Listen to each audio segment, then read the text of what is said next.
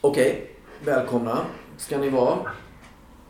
Nu är det fontänbubbel faktiskt bakom kulisserna då. Det har vi kört många gånger nu. Det är ju som att det har blivit vår nya standardform.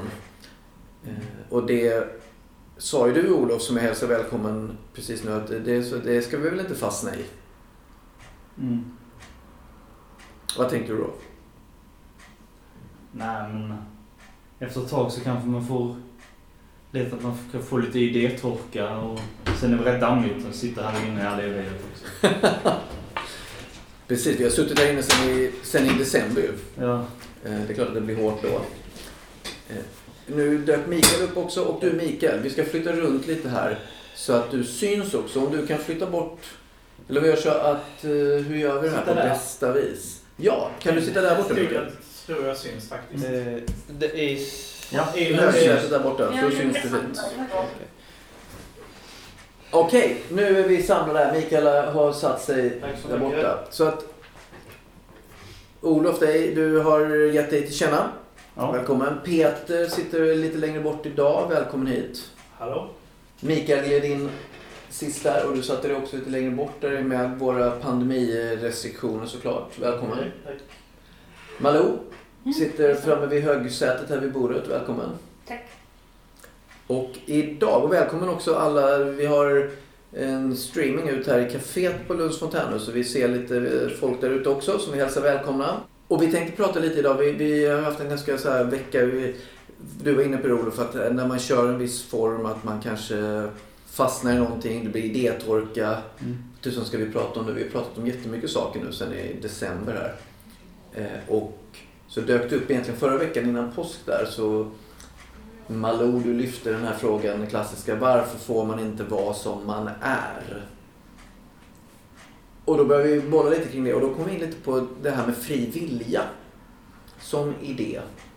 Eh, att, att eh, eh, har vi egentligen en fri vilja? Och vi började titta lite på en serie som Alex Garland har gjort som heter Devs som handlar ganska mycket om just fri vilja och determinism. Mm. Om idén om ett deterministiskt universum där allting går på räls, att allting är förutbestämt eh, egentligen. Och, så det har vi funderat lite på, men vi är ju ganska, ganska öppna för, för diskussion här kring vad fri vilja är. Så jag, jag tänker lite att jag slänger ut frågan från början här. Har vi fri vilja? Ja, fast det, det kan vara väldigt arbetsamt och om man hela tiden ska besluta, ta en massa beslut. För att för varje beslut så bör man tänka efter. Och då, det beror på hur mycket energi man har, hur många beslut man orkar ta i timmen. Liksom. Så att, eh, av energibrist så kanske man inte har så mycket vilja egentligen. Mm. Men känner du att, eh, ja precis, man måste fatta, men de beslut du då, situationstecken, måste fatta varje timme. Är det dina beslut då? Eller är det för, men då, då har du ju ändå fri vilja att välja bort att fatta beslut på något vis, eller? Ja, man säger som så att eh, om, om, om man säger att man har eh, egenskaper i verkligheten som påverkar hur, man- vilken väg man tar. Så har vi egenskaper som är kraftiga och vi har egenskaper som är svaga. En fri vilja betyder att, att man kan ta egenskaper som är svagare och låta dem bestämma istället för den kraftigare egenskapen.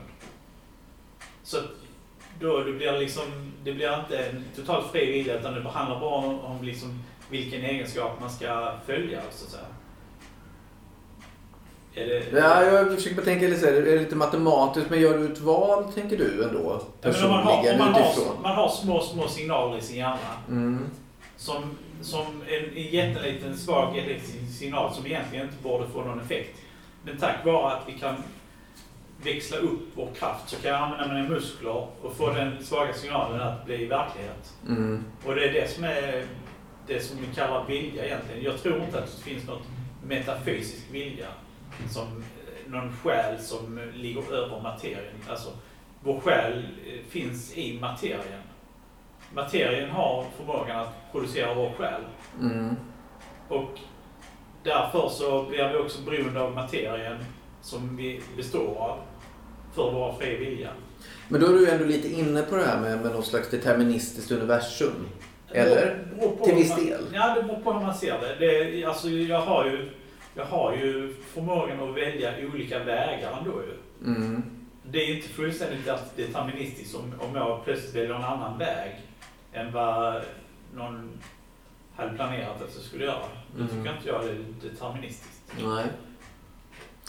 Ni andra, Olof, är det här någonting du har funderat på i ditt fri vilja? Eh, ja, men jag har inte bekymrat mig så mycket om Nej. det. Nej. Eh, för jag, jag bryr mig inte så mycket om viljan är... Om, om viljan är fri eller inte. Alltså bara, bara, man känner, bara den känns fri så, så är det det viktigaste. Mm. Ja, det är en intressant tanke då att man... Att, att, eh, för det är ju någon slags att gå utanför sig själv. Jag tänker jag skiter i det som, som är min... Jag tänker den här serien vi såg då, där, där pratar de just om att... Eller vi har sett ett avsnitt bara, vi ska se vidare på det. Men jag tänker att, att men vi tror att vi är unika. Men det är vi inte om man nu anammar teorin om att vi inte har fri vilja till exempel. Men du menar att du ställer dig utanför det och säger att det spelar ingen roll. Jag, jag har jag fri vilja eller inte spelar ingen roll för jag, jag tänker inte på det. Och då är du fri. Eh, ja, jag tycker det på något sätt att eh, har man... Det blir, eh, det blir lätt, det är lite, det blir lätt lite hårklyveri. Alltså jag har ju själv tänkt på det många gånger. Liksom så, har, man- har jag fri vilja eller inte? Det har, alltså, alltså helt, helt fria viljan finns nog inte ändå eftersom man hela tiden är påverkad. Och allt, man är ju en produkt av allting så... Så, så jag, men jag tror nog att det, det man har... Det man intalar sig själv att man vill, det är ofta förutsättning för att man ska fungera med andra. Mm. Jag tror att den fria viljan, jag tror det finns något som heter fri vilja. Eh, Den, men den är beroende av resurserna också ju. Eh, Jag har till exempel inte resursen att eh, köpa ett palats. För jag har inte den ekonomin. Jag kan inte välja att köpa ett palats. För att det har jag inte pengar till. Jag kan inte, jag kan inte heller påverka andra människor annat genom att tala till dem. Är det någon som inte vill lyssna så kan jag inte påverka den människan. Mm. Så att det, det är också beroende på vilka resurser som finns tillgängliga. Vil- Vilken grad av fri vilja man kan ha. Ja, men så är det ju. Fri vilja. Och jag vet att nu kommer man in på ett av dina favoritämnen Mikael, konsekvens.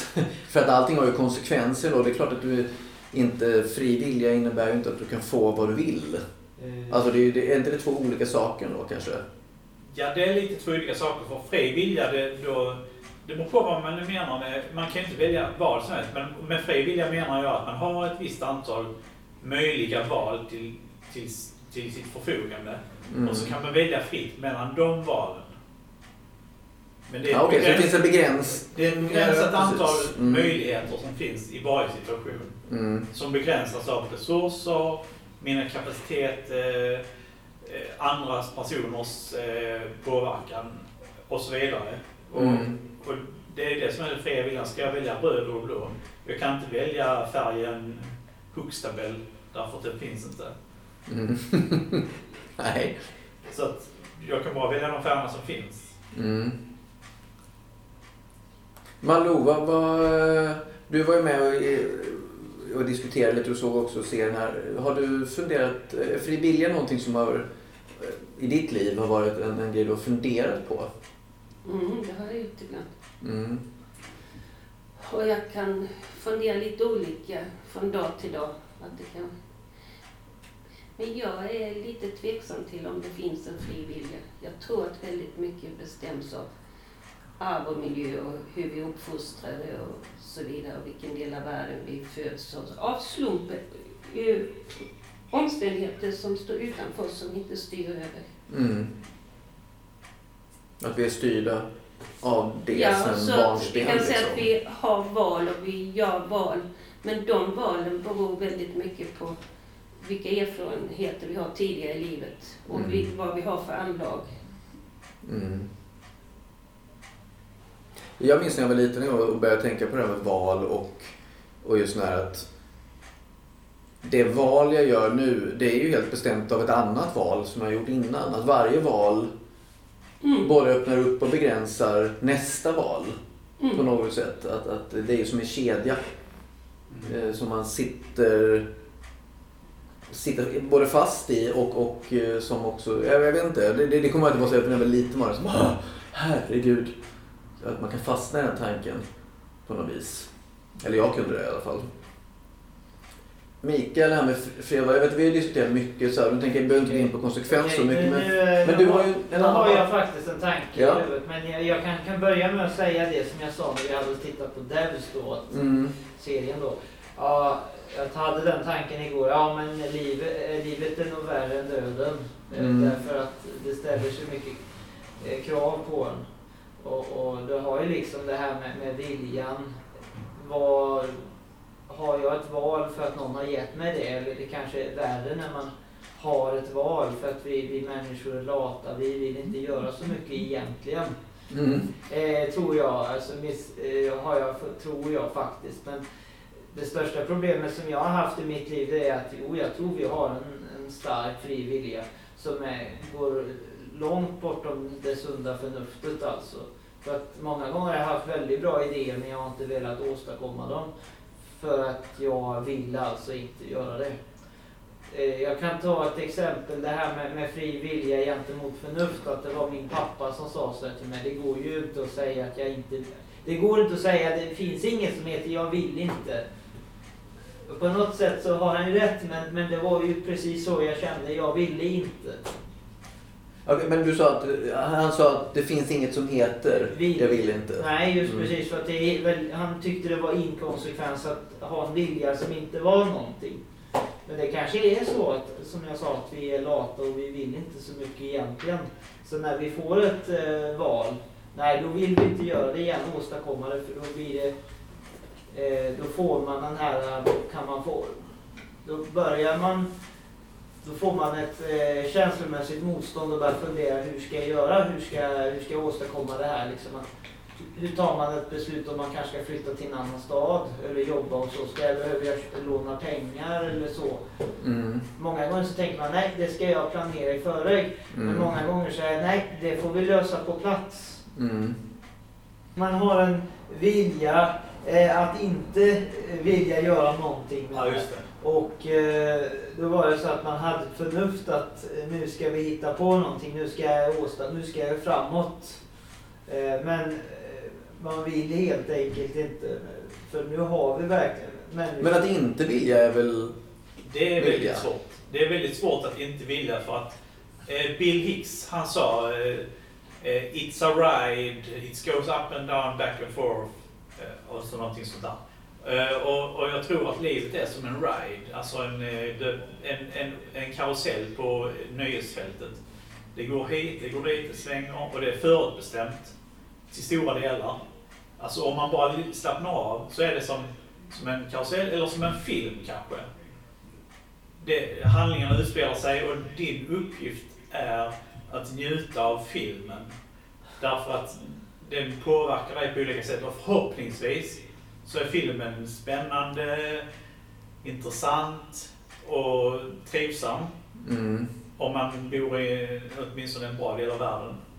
Och då, då har inte den fria viljan så, så stort eh, värde egentligen därför att det, det är filmen som är huvudattraktionen och inte viljan. Men är du utanför filmen då? Ja, man, man, man, är, man är både med i filmen och observerar filmen samtidigt. Mm. Man ska bryta fjärde väggen och säga ja, hej kan du, kan du flytta åt vänster? Nej, ka kamera vänster eller, eller så. Hej alla barn eller säga vad som helst.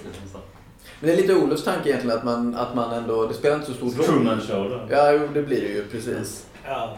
Nej, det spelar inte så stor roll. Alltså, huvudsaken är den eh, 80-åriga filmen som man eh, är utsatt för.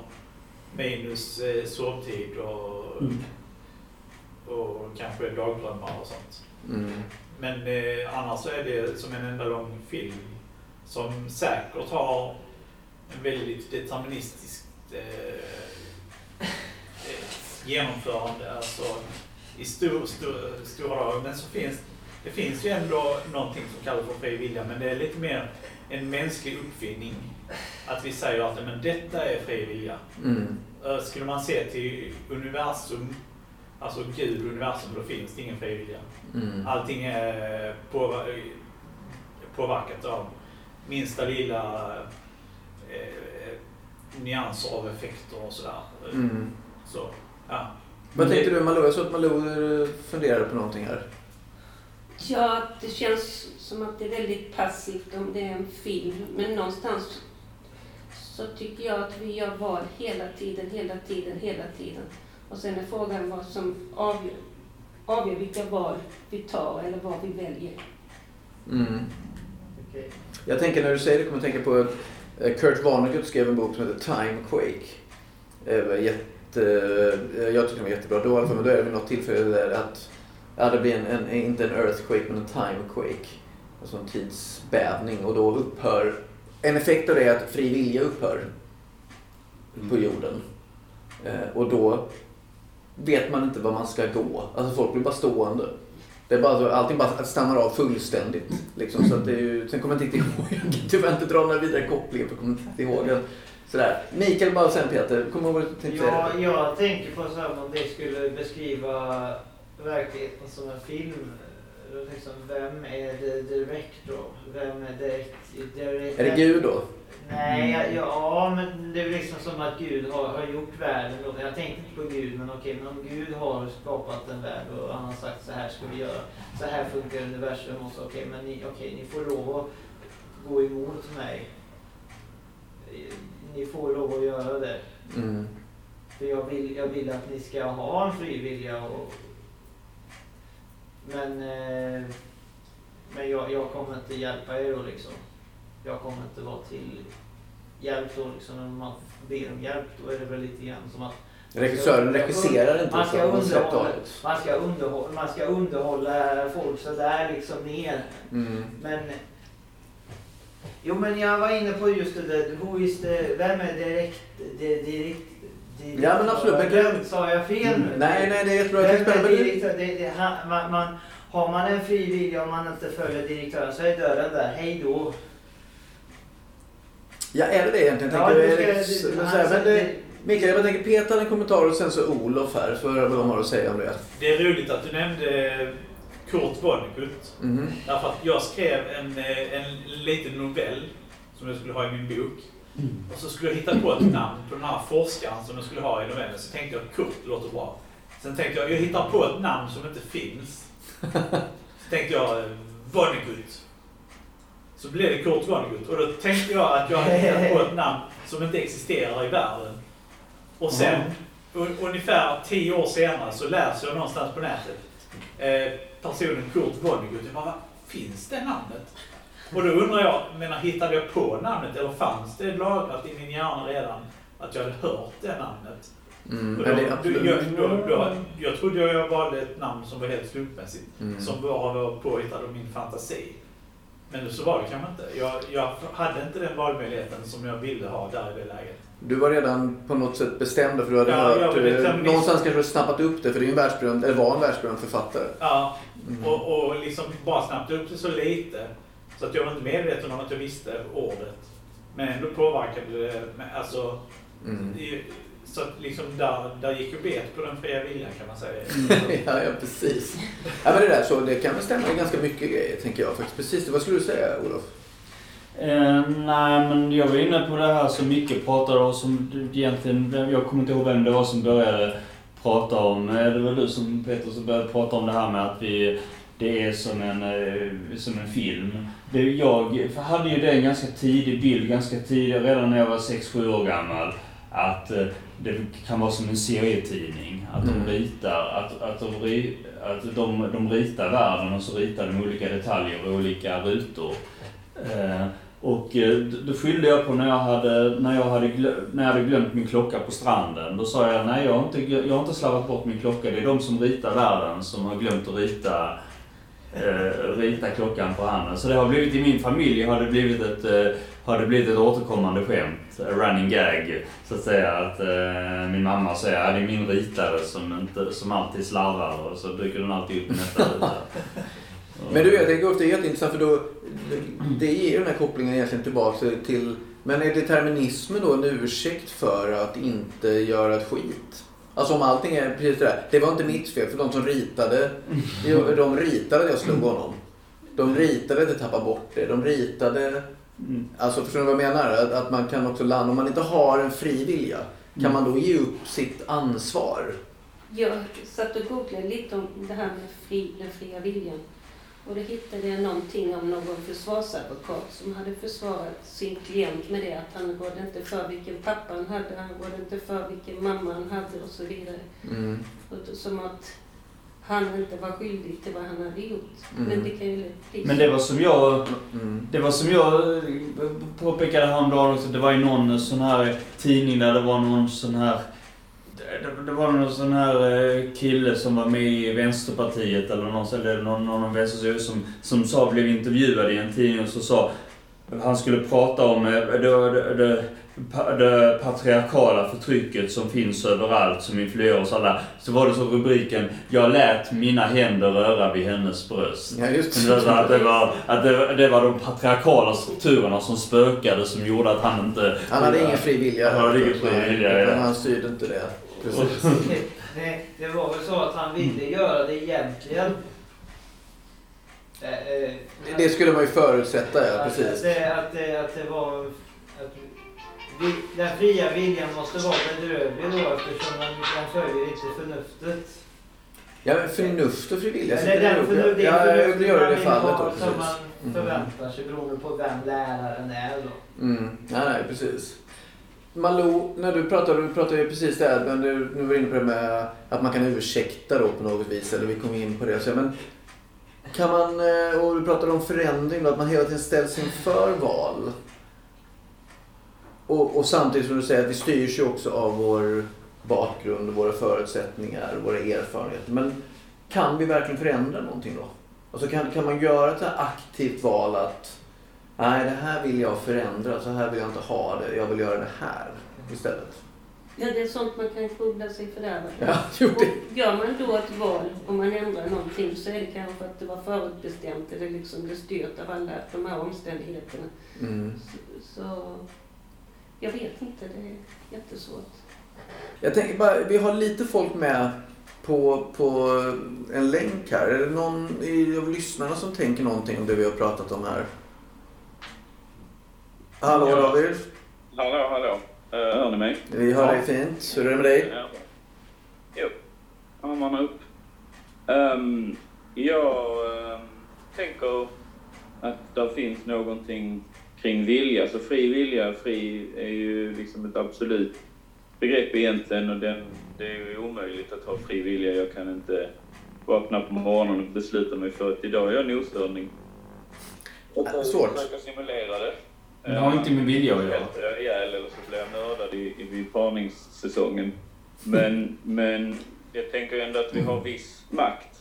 Eh, men jag stötte på en determinist och vi hade en liten diskussion om det och han menar på att varför skulle, varför skulle kemiska ämnen börja bete sig annorlunda bara för att de befinner sig i en kropp? Ehm, vilket jag inte hade något svar på, vilket jag fortfarande är lite irriterad över. Uh, för det, det är ju... Alltså där, där är ju det här, den här tankeströmningen med att det, att det bara är en åktur eller bara en film och så vidare. Det, det finns ju en, en ganska gammal tanketradition inom buddhismen omkring det här att vi bara är betraktare utav eh, så, så det som sker även med vad vi kan identifiera över våra kroppar bara handlar om att universum omorganiserar sig själv. Ja, och då, och då menar du då att, kemikalierna eller i våra kroppar då, de borde ju ag- agera på samma sätt på, på räls då? Ja, precis. Det, med samma förutsägbarhet. Mm. Ja. Men vad tror du då? Skulle någonting, eh, finns det någonting i oss som skulle påverka den? För det där är väl såklart en, en viss fysisk sanning, men, men finns det någonting i oss som skulle påverka? Vad, vad skulle vi... Eller vad tror du? Alltså jag, jag, eh, jag, tänker att det är, ju, det är ju behagligare att se det mer som en åktur än att man själv är regissören över alla beslut och måste ta ansvar för alla beslut. Eh, men, men eh, jag tänker ändå att någonstans så finns det en mellanväg. För det kan vi ju påverka någonstans, vår attityd till vad som sker, vad som har hänt, vad som håller på att ske. Mm. Eh, så på något sätt så är det ju ändå så att vi riktar ju blicken, även om vi kanske inte kan påverka så mycket utav vad som händer. Eh, Men vad, vad det är rent kemiskt som gör att det är så, det har jag ingen aning om. Nej, precis. Eh, nej, det är ju spännande det där med, med... För det finns väl båda perspektiven på det, tänker jag, det här med att man... Eh, det, ja, men du sa Mikael efter vi hade sett första avsnittet av Devs där nere att Ja, det är skönare att inte ha något val än att ha en massa val. ja, för då får du ta ansvar för Och då måste du ta ansvar. Då har vi bekvämligheten i att Nej. åka, åka på, sin, på det här i, i tåget och titta eller se filmen. Samtidigt skulle man kunna vända på det och säga men det är också en... Många skulle kunna se det som en mardröm att inte kunna påverka. Att vi inte är unika, att vi inte har en möjlighet att... Ja, det är inte jag som fattat det här beslutet egentligen. Eller Ja att vi grubblar ihjäl oss då. Liksom. Men jag måste ju kunna påverka mitt liv. Det är väl så att när du känner att du inte vill så är det ju också den fria viljan som gör motstånd och liksom du visar att du vill någonting eget istället. Eller ja, vill, ja men det kanske man, man mer, oftare vill inte än vill något kanske. Så här, inte Stockholm, inte, i, inte fotboll idag, inte Det är ju en fantastiskt rolig tanke Mikael, att latheten och motståndet, Ja, det är den enda sanna fria viljan som finns då. Mm, Det är jättekonstigt fak- faktiskt, för jag hade ju den tanken igår då, men, men eller för att jag lyssnar på konstiga, konstiga tänkare på internet bara. Akta dig ifrån. Mm. Det var ett skämt. Mm. Nej, men jag tycker det, det är ju spännande. Det är en spännande tanke att, att, att latheten, om man nu vill kalla det för det, då, att det skulle vara den enda fria viljan. Eh, enda motståndet mot det redan förutbestämda. Eh, men varför ska man behöva uppfinna hjulet när någon annan kan uppfinna det åt en? Men man kan ju vara så supersmart som man måste uppfinna det själv också. mm. Ja, alltså jag tror också det. Alltså, att, men eh, den fria viljan är ju också, nu är jag ju hela tiden inne på begränsningar av den fria viljan. Att den är även begränsad av det man tycker är, är skönt och kul och sådär. Och, men om jag till exempel frågar min flickvän Eva vad vill du göra idag? Då väljer hon mellan saker som hon historiskt vet att detta tycker hon är roligt att göra. Och då handlar det kanske bara om två olika grejer som hon kan välja mellan. Antingen åka hem till mig och kolla på film eller sitta på Wayne's Coffee och jobba. Det finns inga andra val. För att det finns inget annat som är roligt. Mm. Och, så det begränsar också fria viljan. Alltså det, Mm. det finns många, många begränsningar. Du menar vanan, att vanan begränsar en? Alltså det, man, det, det, det, man, Ja, det handlar inte om vanan utan det handlar om eh, eh, referenser i hjärnan som har lagrats om vad vi tycker är kul att göra, vad vi trivs med att göra, vad vi tycker är, är tillfredsställande. Och eh, att, att testa på något nytt kan också vara lite o, o, otillfredsställande för då vet man inte, kommer jag gilla det eller inte? Det är en risk man tar. Jag kanske ogillar det riktigt. Nej, då vågar jag inte prova. Mm. Och, och så efter tre år så kan jag ja men nu har jag tänkt på det, så jag provar väl en gång då. Mm. Som till exempel styrketräna. För något år sedan så skulle jag prova så att säga styrketräna. Jag hade styrketränat tidigare men tänkte nu kanske börjar jag gilla det. Och så gick vi och styrketränade och så gillade jag det. Och så skrev vi på Facebook, ja vi har börjat styrketräna. Och sen så blev det aldrig av igen. Så Nej, men det tänker jag det är spännande sådär. Jag menar precis, så kan det ju vara. Att, det blir men, men det är spännande du är inne på också där att... Eh, för vi är ju olika, eller är vi det då? Men att, att viss, inbillar mig att vissa har inte lika stort problem med nya saker som andra har. Mm. Ja, och sen finns det ju en värderingsfråga också. Och normfråga i det någonstans att jag inbillar mig att det finns en positivt laddad värdering i den här som tar för sig och liksom och det är nytt och spännande. Kontra då den som, nej, nej, det vet jag inte. Nej, det är nytt, det, nej, jag, så här. Men så kan jag tänka mig att i ett sånt läge att det kanske är kunskapen också som begränsar. Man vet, ja men då gör jag det eller det. Men man känner inte till att det och det och det och det och det och det också Mm. finns. Och Absolut. ekonomi och så vidare. En massa saker som gör att Fast det är ju så att saker faller bort. det är de som har den inställningen att ja, så fort jag får de här pengarna så ska jag starta mitt företag. Eh, Så fort jag får de där pengarna så ska jag. Så fort, så fort jag har väntat en viss tid så ska jag göra det och, och då, har, då har tiden gått iväg. Då har man helt nya idéer, tankar och viljor då. Mm. Men det är ju liksom man, man vill, man kanske vill någonting som man inte eh, tror man kan få också. Mm. Men jag tänker, nej men absolut, tiden går ju. Vi har ett liv och sådär. Jag tänker att det är spännande att tänka på begränsningar som en möjlighet. Ja, förlåt Malou, vad ska du? Som nu bara ett litet inlägg. Mm. Som nu till exempel Corona som kommer som plötsligt begränsar Mm. saker som vi räknade med innan att vi kunde göra. Plötsligt kan vi inte det. Mm. Yttre omständigheter. Det påverkar viljan där. slutändan. Mm. Ja men det gör det i allra högsta grad. Det är ju så, och den begränsningen är kanske inte jättekul. För jag tänkte precis säga att, att, möjlighet, att begränsningen kan vara möjlighet. Liksom, att, man, att det kanske ger en, en friktion och en, en kraft till oss för flera saker. Men, men coronabiten är kanske så här. Det är väldigt mycket som, som vi kanske eh, på sikt kommer att ha kommit på nya saker tack vare det. Men just nu känns det ju inte så i alla fall. Peter, vad skulle du säga? Ja, och Olof han var inne där ett, en, en, någon gång på vanan. Mm. Och vanan är ju också en sak. Så om jag är van vid att jag ska kunna göra en grej och jag plötsligt inte får det, då blir man ju väldigt kinkig. Mm. Alltså- Ja, absolut. Jag är van vid att jag ska få alltså, vara med på fester och sånt där. Därför att det, det anser jag är min rättighet att kunna eh, ha, nöj, ha som nöje och så. Och nu, när det är corona så får man inte det. Och då, då blir man väldigt kinkig tills man har vant sig vid att det inte finns den möjligheten längre. Mm. Då blir man tillfreds igen därför att då, då fogar man sin referensram till den verkligheten istället som har uppstått. Ja, men så är vi. Vi anpassar oss ju väldigt mycket såklart. Vi vänjer oss. Men, men en fråga vi kan tänka på då, Olof, du ska få komma in tänka, men om vi inte får någon stimuli, kan vi anpassa oss verkligen till det? Ja, många kan det. Kanske Mm. inte alla, men eh, jag, jag vet till exempel att eh, jag, jag har haft perioder i mitt liv där jag har varit en, som jag ser det, en riktig stadsmänniska.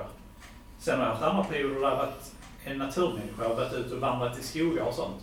Och det, att gå från den ena versionen, alltså från att gå från stadsmänniska till att vara en naturmänniska, det är en omställning och det, det är inte så himla lätt att bara göra. Men efter att man har varit i naturen ett antal dagar så börjar man vänja sig och börjar uppskatta det.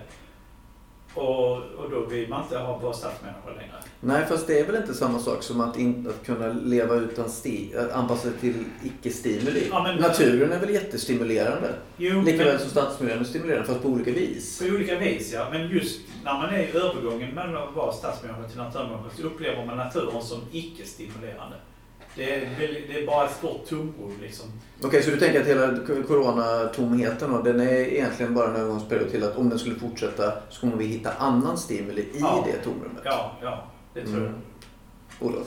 Eh, nej men det var som jag tänkte i början av pandemin. Alltså jag såg ju också video på Youtube och som att jag, som nå- någon vi som hävdade att ja, kreativiteten kan nog vara som Shakespeare själv satt i karantän under perioder när han skrev sina böcker. Att det, då hade han en sån här teori om att det skulle orsaka kreativitet. Och jag tänkte det ett tag också, att det finns säkert möjlighet att man kan vilja saker, ha, eh, eftersom man fokuserar mer, kan sitta och ha starkare att man kan ha starkare, desto starkare viljepreferenser då. Men nu känner jag nästan tvärtom, att intresset för allting nästan försvinner ju mer, ju mer och mer pandemin går. går det är att man får mindre och mindre input, alltså man får mindre och man får, man blir inte så influerad.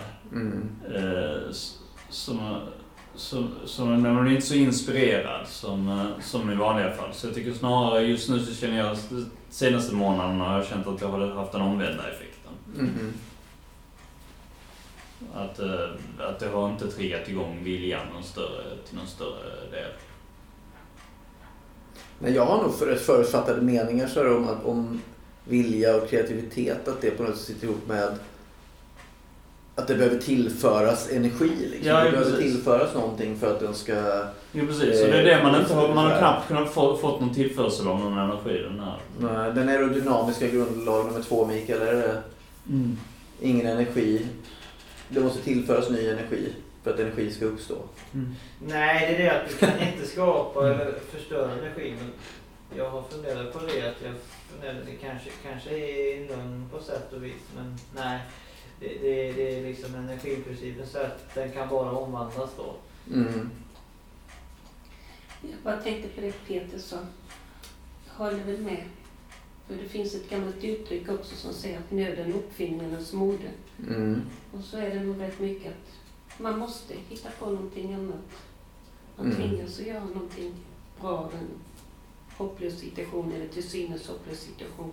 För förra gången, jag tänker lite grann på förra året när man hade... Det, nu kan jag ju bara prata för mig själv, men då när man fick den här corona, plötsligt allting 11 mars, och allting skulle vändas upp och ner, man fick nya restriktioner. Då hade man ju lite ändå energiinput från tidigare som gjorde att man kunde leva av det.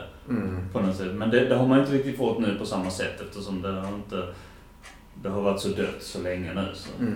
Ja, men det tänker jag ofta också att de här, Mm. eller jag tänker det mycket, att de här demonstrationerna mot, mot restriktioner som har varit, det var i Malmö, det var i Stockholm, Ja. så att det, det kanske är ett uttryck för just att man, man hävdar ju då att, eh, att det i mycket handlar om att ja, de säger att det är emot yttrande, alltså det är för yttrandefrihet, för friheten och det här liksom. Och, men samtidigt kanske det handlar om bara att man inte, man måste få göra någonting. Man måste ha stimuli liksom. Det är deras fria vilja till att testa pandemilagen. Eh, Pandemi, de vill testa om pandemilagen funkar. Mm. Har jag fått Ja. det har jag... Jag vet inte. att det är deras syfte. Jo, men det blir ju som ett test. Alltså deras protest Som spelar test. ju inte så mycket roll. Men det är just den här testen av är den här pandemilagen av virke? Kan de stoppa oss nu? Alltså det blir ju en effekt. Ja. Absolut, det blir jag, jag, Det David, förlåt, får jag bara ta in David här lite. Vad, vad tänker du på David? Nej, men just det här med, med pandemin och så. Att där är ju så väldigt många olika människor som har reagerat på så väldigt många olika sätt. Och, och jag fick ju väldigt mycket energi när den bröt ut för att det var någonting nytt, en ny situation att anpassa mig kring. Mm. Ehm, Så att, eh, för mig var det lite, rent personligen, lite upplyftande att eh, det helt plötsligt fanns en, en vardag som engagerade. Ehm, men, men, och jag, men jag tänker alltså att mycket av dem som verkligen, oj yes, nu har jag tid över till att göra en massa andra saker. Att det, det var ju människor som var väldigt upptagna med väldigt upptagna liv. Som hade ett flöde utav energi liksom att lägga in det i. Mm. Det är klart att det också kan vara lite, lite liksom inspirerande och så, men har man inte den källan utav energin så kommer den ju inte fram heller. Uh, um, så sätt. Utan jag tror det bara är liksom lite, lite hur vi är som människor. Att är man snabb på hugget och så vidare, då, då är man med i början och sen så tröttnar man. Är man tar man lite längre tid på sig. Det är ju de som är skärpta nu.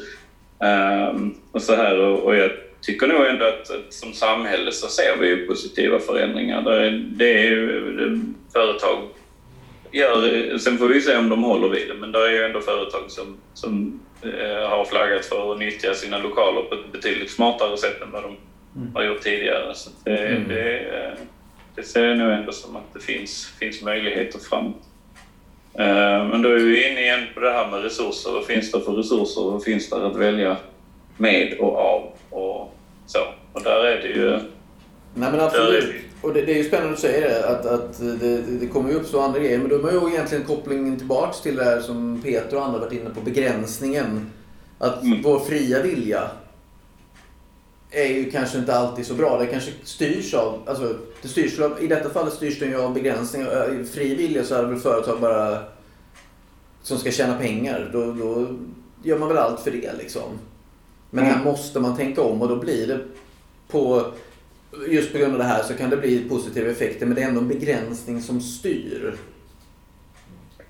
Det, det, där tänker jag så, så kan det ju vara att när, när viljan är fri eller till synes fri så, så, eh, så är det alldeles för många val och då vill vi inte.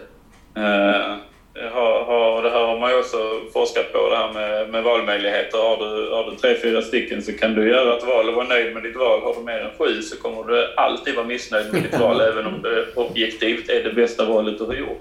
Mm. Uh, för att hjärnan inte är förmögen att hantera det. Och så kan det ju vara med de fria valen också. Att, uh, man bara, nej men jag vill inte. Mm. Men när det finns begränsningar, när det finns två, tre val, uh, då kan man engagera sig.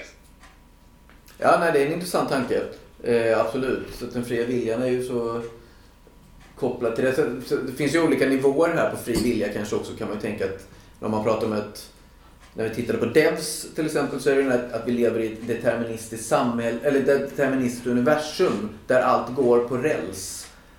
Det är bara fysiska lagar som styr. Det finns inget av fri vilja eller mänskligt vad ska man säga, värde i, i, i det.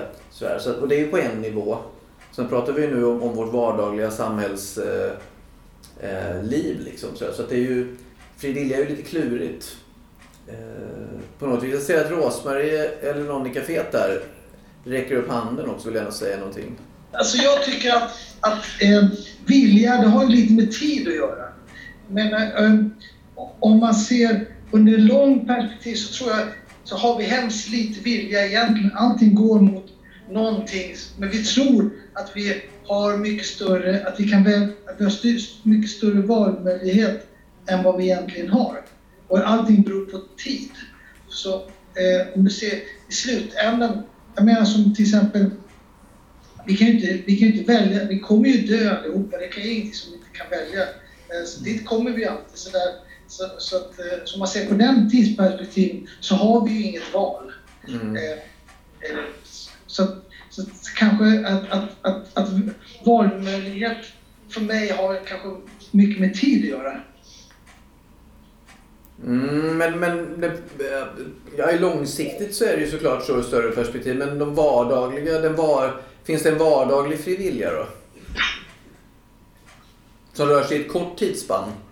Ja, men det, men det finns det ju. Samtidigt så, så tror vi också att, alltså att vi, alltså vi, vi är styrda mycket mer än vad vi tror att vi är. Mm.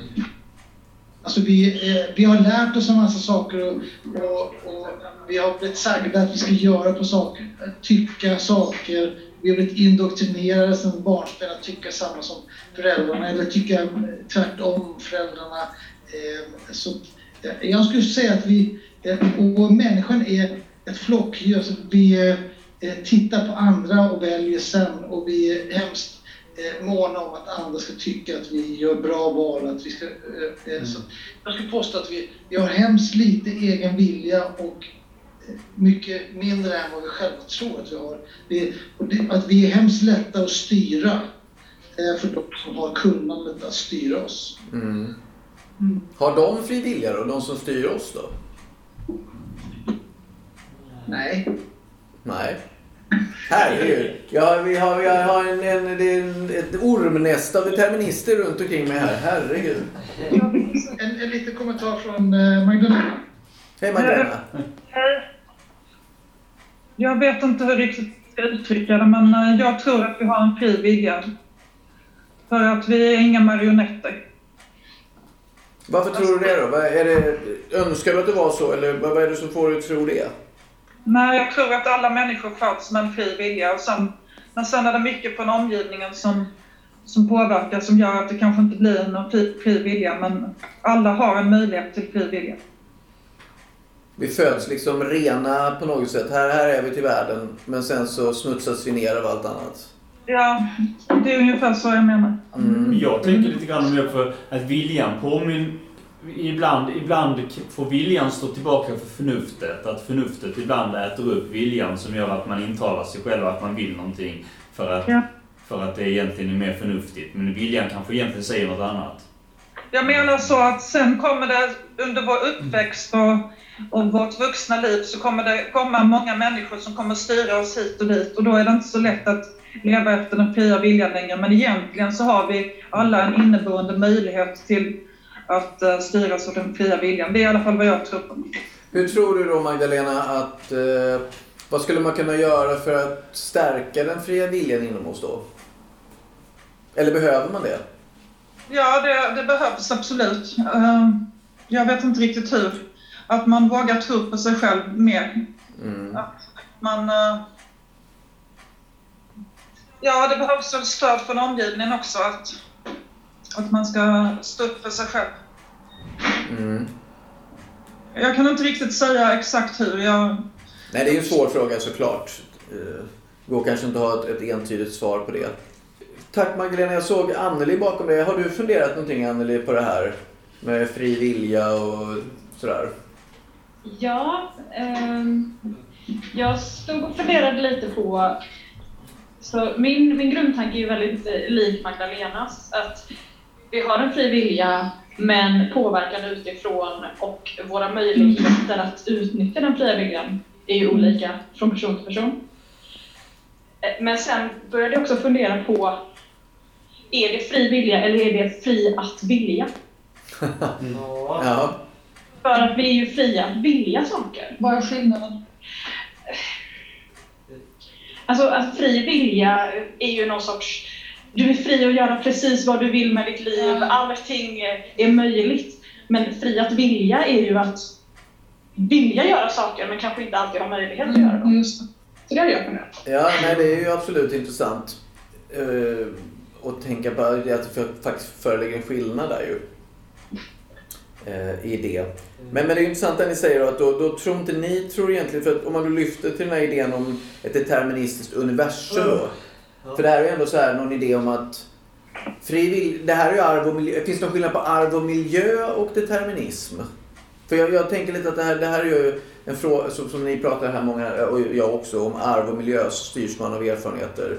Man styrs av andra människor, man styrs av, av föräldrar, eh, vad man är, och barndom och allting sådär. Eh, men det, det, är det deterministiskt egentligen? För det kan man väl förändra? Okej. Alltså man kan ju titta tillbaka, lära sig och förändra saker då. Då måste man ju ha viljan till förändring och varifrån kommer den? Ja, jo. Absolut. Vad sa ni där ute? Jag undrar om du frågade oss? Men Jag, jag, jag bara kastar ut en hej vilt här i, i, eh, i universum. Eh, För jag hade definitivt gjort skillnad på de två. Förlåt, vad sa du Anneli? Jag hade absolut gjort skillnad på de två. Jag Mm. tycker inte ens de är i samma universum. Uh, nej men, eh, de är ju helt olika. Ja. Det är ju någonting du påprackas medan deterministiskt det är ju någon sorts eh, annan som bestämmer allting som du gör och ingenting du gör har någon egentlig mening eller poäng. Nej, att vi bara åker med liksom, då är den där. Ja precis, vad är poängen då? Eh, Nej, det är ju intressant. Det kommer in på lift, den jobbiga frågan ja. Men tack, vi, vi, häng kvar. Vi, Peter och sen David. Eh, ja, och jag tror också att, eh, att för att man ska må så bra som möjligt så måste man nog tro på att det finns en fri vilja.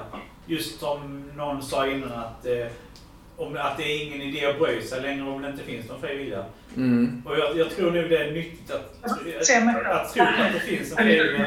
För att man ska kunna utnyttja de små möjligheter man har att vilja saker och, och genomföra saker. Så tror ni sig på den fria viljan? Det är, Är- en kraft, liksom. Det är, det är en mänsklig, mänsklig nödvändighet för många personer tror jag. Mm. Att, att tro på det. Samtidigt, jag tror att det kan vara väldigt farligt att sätta, sätta för stor tilltro till den fria viljan också. Vissa delar av världen så, så tror man på reinkarnation till exempel. Mm. Och då om man inte har skött sig i livet, om man har gjort fel saker, då föds man till någonting mycket sämre i ett annat liv. Mm. Så det innebär att man har sig själv att skylla någonstans. För det har man, ju, man har ju inte velat göra bra saker. Mm. Så då, och då finns det liksom inget skäl att göra någonting för de här människorna heller. För de har, har på något sätt försatt sig i den situationen, kanske inte i detta livet men i ett tidigare liv. Mm. Till exempel. Ja, absolut. Och det är intressant att du, att du använder fria viljan. Många skulle säga att det är deterministiskt, den, den här reinkarnationen. Men, men det är intressant att tänka det på det sättet. Att du faktiskt har, man kan peka på och säga du gjorde inte vad du skulle. Men tänk om man inte kunde det då? Nej, det är jättespännande. Eh, David, vad tänkte du på? Alltså, det här med determinismen, att det skulle finnas någon som har valt det från grunden, det, det ser jag inte som, som givet. Utan det är mer bara att eh, det går att titta tillbaka och det går att se framåt eh, och att det finns ett spår. Eh, när det gäller arv och miljö så är det ju, är det ju så att det traditionellt har ställts mot varandra men det är ju i stort sett samma sak. Alltså det är ju att arvet är ett, ett, eh, ett, kortare, eller eh, miljön i ett kortare perspektiv. Vad är det som har en omedelbar verkan? Men arvet har vi ju med oss i, i evolutionen och det, det är ju också en anpassning till eh, miljön. Uh, så det visst, det händer saker men det, det, utifrån ett mänskligt perspektiv så, så går det ju väldigt, väldigt uh, långsamt. Mm. även sådana saker som Alltså det, det kanske tar en barndom att inpränta ett mönster men det tar ju mer än hela ens vuxna liv om man vill förändra alltihopa från grunden. Um, så vilket värde har den viljan i, i det, ställer jag mig. Liksom. Det, är det värt det? Nej, och det är ju en intressant fråga, just värdefrågan i det. Att man, kanske det som är den fria viljan, hur man förhåller sig till värdet av vad man lägger i det liksom. Det är spännande. Alltså jag, alltså jag har ju tänkt på att det, det farliga blir, alltså det är ju en... Diskussionen om fri vilja och så, det, det är egentligen en fråga... Den typen av existentiella frågor är egentligen en fråga som är ganska farlig att blanda in eh, med politik hur mycket som helst eftersom det kan få eh, det, man, det som man kan resonera om på en teoretisk nivå att ja, det kanske inte finns som, finns som frivilliga. Om man ska översätta, om man ska översätta det till politiska eh, sakförhållanden så kan det få förödande konsekvenser. Om man, om man Hur genom, tänker du då? Nej men alltså om man bestämmer att eftersom det ändå inte finns någon fri vilja så kan man ju ha det här. Då är den här modellen, samhällsmodellen ödesbestämd. Och, eller att det finns ett naturligt krig mellan vissa samhällsklasser eller, med, eller vissa raser, vissa ja, raser eller vad som helst. Och, så, så det är därför jag tycker när man, när man blandar in politik, är det, det är då man, man verkligen kommer på det, det, är då, det är då det verkligen är brand, går brant ner, ner så. Alltså när man, mm. när man håller, när man försöker övertala översätta det här ungefär som man försöker översätta Darwins evolutionslära till politik, eh, social darwinism. Det är samma sak där. Att det, när, man har, när man ska blanda in sånt i det. det. det. är viktigt att skilja mellan, tycker jag, mellan den filosofiska biten och den politiska biten. Mm, nej, det blandar vi säkert ofta ur. Vi, politiken använder ju saker såklart. Ja. Och vi använder saker för vår vinnings skull. Mm. Så är det ju. Eh, Mikael och sen är det någon i kaféet och sen får vi nog börja runda av lite här. Eh, jo, jo det, det, är ju den här vetenskapliga synen eller eh, filosofiska synen på fri vilja då. Att den fria viljan eh, har ju blivit ganska het på grund av att på grund av kvant, kvantmekaniken då för att de vill inte förstå kvantmekaniken därför att eh, det var Niels Bohr då som kom i, han var inne på det här med slump, nej vad heter det, med sannolikhetslära då som, som fick avgörande hur kvantmekaniken skulle fungera då då vill man inte riktigt förstå det, för tycker man att den är väldigt indeterministisk, eh, kvantmekaniken, därför att det handlar mycket om sannolikheter och göra. Vad är sannolikt? Och det som är sannolikt, det är alltså teoretiskt, eller inte bara teoretiskt utan experimentellt möjligt också för att det finns ett antal utsagor som är sannolika. Och allt som inte är sannolikt, det är inte sannolikt utan allt som är, allt som är sannolikt händer alltså. Jag vet inte, det kanske har lite grann med önskningar och så med en fri vilja också, att man önskar sig saker och ting. Ja, det tror jag. Att man, man, man när man växer upp så, så tror man inte så mycket på att man kan önska så mycket längre. Det är ju en väldigt eh, fin och lite melankolisk avslutning ja, där med, med Mikaels eh, ord. Men jag, jag tänker så här att nu, nu ser vi att andra börjar checka in här. Och klockan är i stort sett tre. Så att jag tänker att vi avrundar dagens eh, filosofiska rum. Eh, nej, det var det ju inte utan det var ju faktiskt bakom kulisserna med fontänbubbel. Eh, och eh, tackar alla som, som var med. eh, idag. Både här i rummet då, Malou, Mikael, Peter och Olof. David på länk. Och eh, kaféet. Och Magdalena, Anneli, Rosmarie, Buster där ute. Så att eh, tack ska ni ha. Vi eh, hörs sen. Hej då allihopa. Ja, Varsågoda.